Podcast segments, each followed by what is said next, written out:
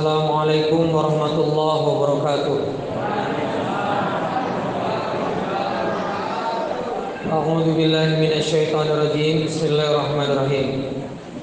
Alhamdulillahirabbil alamin. Alhamdulillahilladzi anzala sakinata fi qulubil mu'minin liyazdadu imanan ma'a imanihim. Asyhadu an la ilaha illallah wa asyhadu anna Muhammadan abduhu wa rasuluh la nabiyya ba'dahu. اللهم صل على سيدنا محمد وعلى آله وأصحابه ومن تبعهم بإحسان إلى يوم الدين. أما بعد رب اشرح لي صدري ويسر لي أمري واحلل عقدة من لساني يفقهوا قولي. ربي أنزلني منزلا مباركا وأنت خير المنزلين. صدق الله العظيم. Jamaah salat Isya dan salat Qiyam Ramadan Masjid Ar-Ridha Baru Sulawesi Selatan yang saya cintai yang semoga Allah Subhanahu wa taala memberkahi dan merahmati. Kita bersyukur pada kesempatan malam Ramadan ini Lailan Mubarakan diberikan oleh Allah Subhanahu wa taala taufik, hidayah, kemudahan untuk taat, kesehatan, kelapangan, negeri yang aman, kondisi hidup yang sejahtera sehingga kita bisa hadir untuk taat beribadah qiyam Ramadan, salat tarawih menghadap Allah Subhanahu wa taala. Semoga jamaah yang hadir di sini dicintai Allah Subhanahu wa taala. Yang bermasalah diberikan jalan keluar, yang sedang sakit disembuhkan Allah Subhanahu wa taala, yang sedang berkekurangan dicukupkan rezekinya, dilapangkan, dibahagiakan, diberkahi. Jamaah sekalian, ada satu tema besar yang sering berulang-ulang yang terkadang tema ini sulit implementasinya yaitu bagaimana kemudian masjid menjadi pusat aktivitas umat. Masjid menjadi salah satu sebab kebangkitan umat. Apa itu umat bangkit? Yaitu umat yang kuat, umat yang kuat saling tolong menolong, umat yang secara ekonomi sejahtera, ukuran-ukuran numeriknya atau ukuran-ukuran angkanya PDB-nya tinggi, ya, produk domestik bruto regionalnya itu tinggi. Pendapatan per kapitanya tentunya juga tinggi, masyarakatnya dan sejahtera. Nah, 70 tahun negeri ini merdeka, kenapa itu sulit kita raih padahal 90% rakyat negara ini muslim, hampir.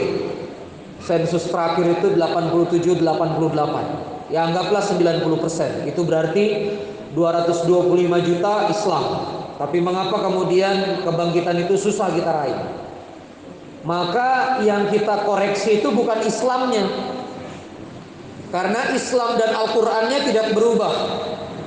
6000 sekian ayat itulah yang digunakan oleh Rasulullah dan para sahabat sehingga Imperium Persia takluk. 6000 Quran itulah yang dipegang oleh Torik bin Ziyad sehingga Andalusia takluk. 6000 sekian ayat itulah yang digunakan oleh Al-Fatih sehingga Konstantinopel takluk. Al-Quran itulah yang juga digunakan oleh Umar bin Abdul Aziz yang dianggap Khulafaur Rasyidin yang kelima yang di masa pemerintahan Khalifah Umar bin Abdul Aziz tidak ditemukan orang miskin. Siapa yang mau nikah dikasih rumah, dikasih lahan. Bahkan di zaman Umar bin Abdul Aziz, serigala yang semula memakan domba itu turun dari hutan-hutan menggembala domba. Anda bisa bayangkan? Saking berkahnya negeri itu, serigala ditundukkan Allah untuk menggembala domba dan tidak memakan domba. Yuk bayangkan. Qurannya sama, ayatnya sama, Islamnya sama, sholatnya sama.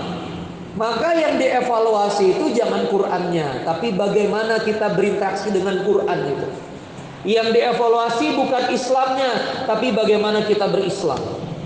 Maka izinkan saya pada kesempatan ceramah pada kali ini mengangkat sebuah topik sederhana yaitu apa sebetulnya substansi atau dasar-dasar beragama itu.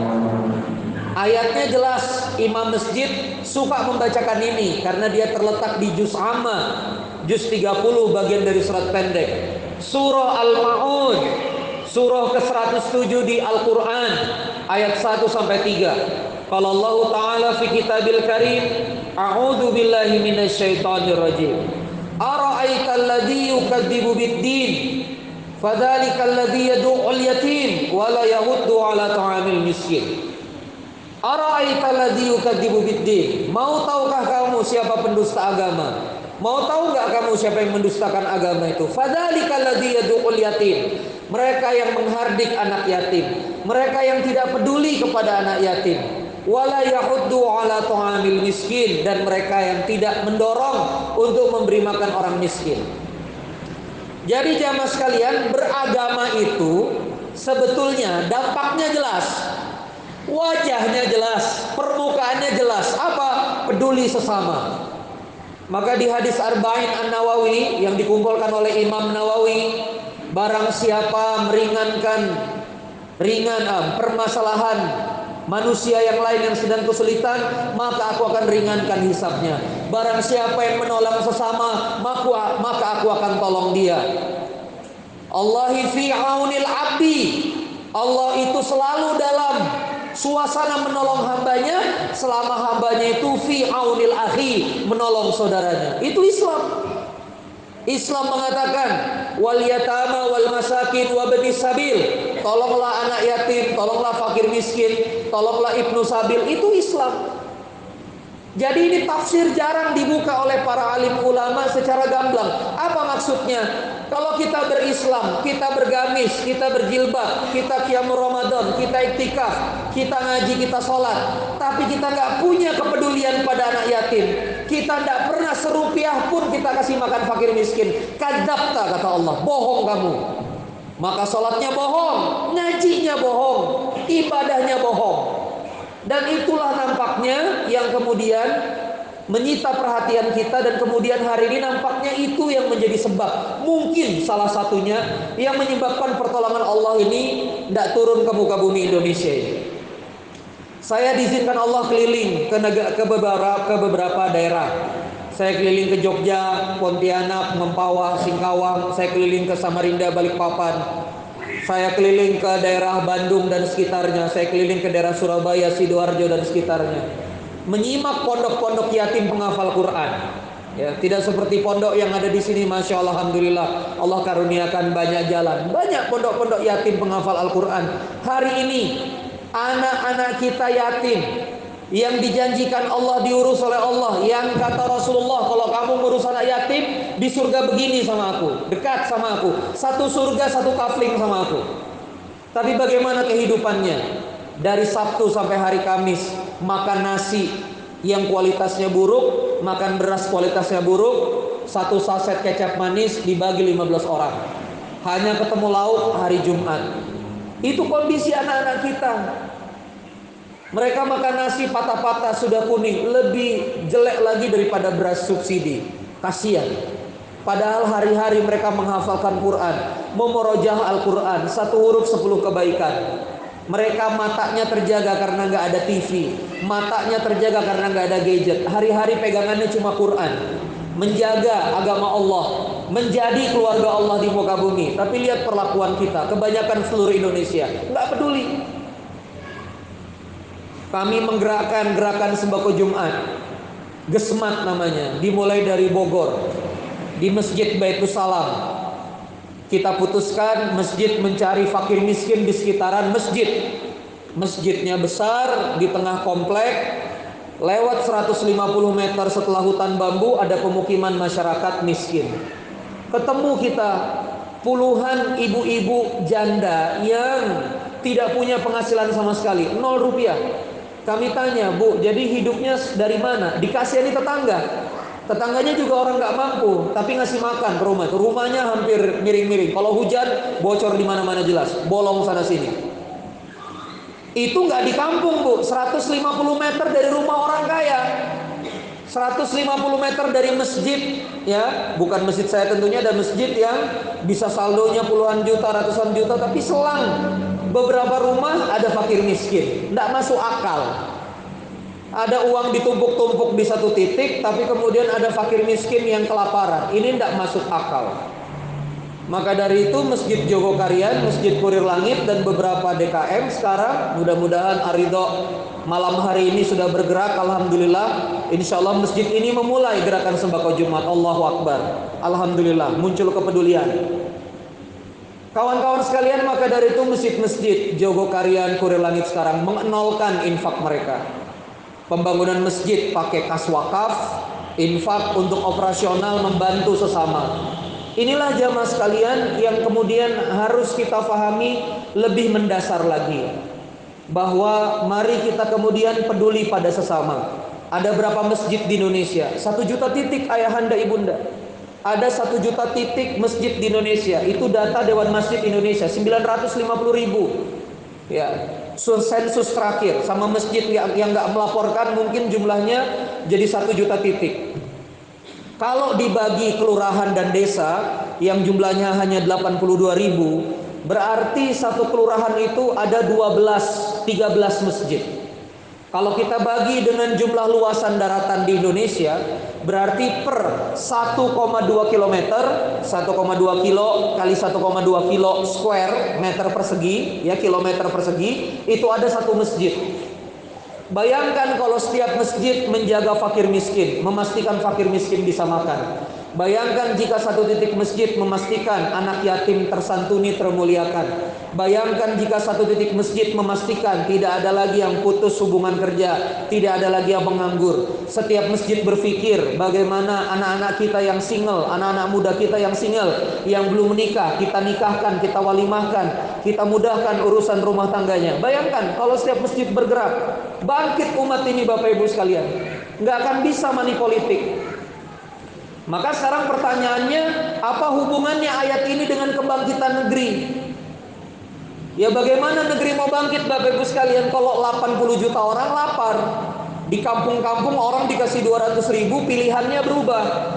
Gimana kalau suara mereka masih bisa dibeli? Tidak akan pernah Bapak Ibu. Demokrasi ini bisa dewasa kecuali masing-masing negeri ini sejahtera. Baca semua paparan demografi, baca semua paparan ahli sosiologi, baca semua paparan ahli government, ahli negara.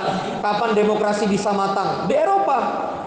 Karena mereka sudah nggak bisa lagi digugat suaranya atau digugah suaranya lewat lewat amplop atau lewat uang. Maka dari itu inilah yang disebut dengan dari masjid kita bangkit. Maka mulai malam ini atas kesadaran dan atas taufik Ramadan ini kita kembali ke surah Al-Maun. Bukan kata Bang Rendi, bukan kata takmir, bukan kata kiai, bukan kata ustadz, tapi firman Allah Subhanahu wa taala. Qala Allah taala fi kitabil karim, ara'aita alladhi yukadzibu biddin. Kita tidak mau jadi pendusta agama. Kita tidak mau lelah-lelah kita ngaji satu Quran 30 juz 604 halaman. Lelah-lelah kita qiyamul lail, lelah-lelah kita iktikaf dianggap dusta oleh Allah Subhanahu wa taala. Kenapa? Karena kita nggak peduli dengan fakir miskin, kita nggak peduli dengan anak yatim. Jamaah sekalian, kondisi fakir miskin dan anak yatim di Indonesia ini masih butuh perhatian. Dan berita kurang enaknya adalah mereka menjaga diri tidak meminta-minta. Kebanyakan pondok-pondok yang menjaga diri itu mereka ifak. Di surah Al-Baqarah 273 itu minat ta'afufi. Mereka menahan diri mereka dari meminta-minta mendesak kepada manusia. Ilhafa. Al-Baqarah 273. Nah, tugas kita peduli. Tugas kita datang ke dapur-dapur mereka. Kami datang ke pondok-pondok penghafal Al-Quran kami datang ke santri-santri yang cuma ketemu lauk, cuma ketemu sayur setiap hari Jumat. Kami lihat beras mereka seperti apa. Kami lihat bagaimana ustadznya dengan amplop ceramah yang ada yang seadanya dikumpulkan oleh sang ustadz, dibelikan beras, lalu kemudian diserving, diberikan, di provide untuk anak-anak yatim.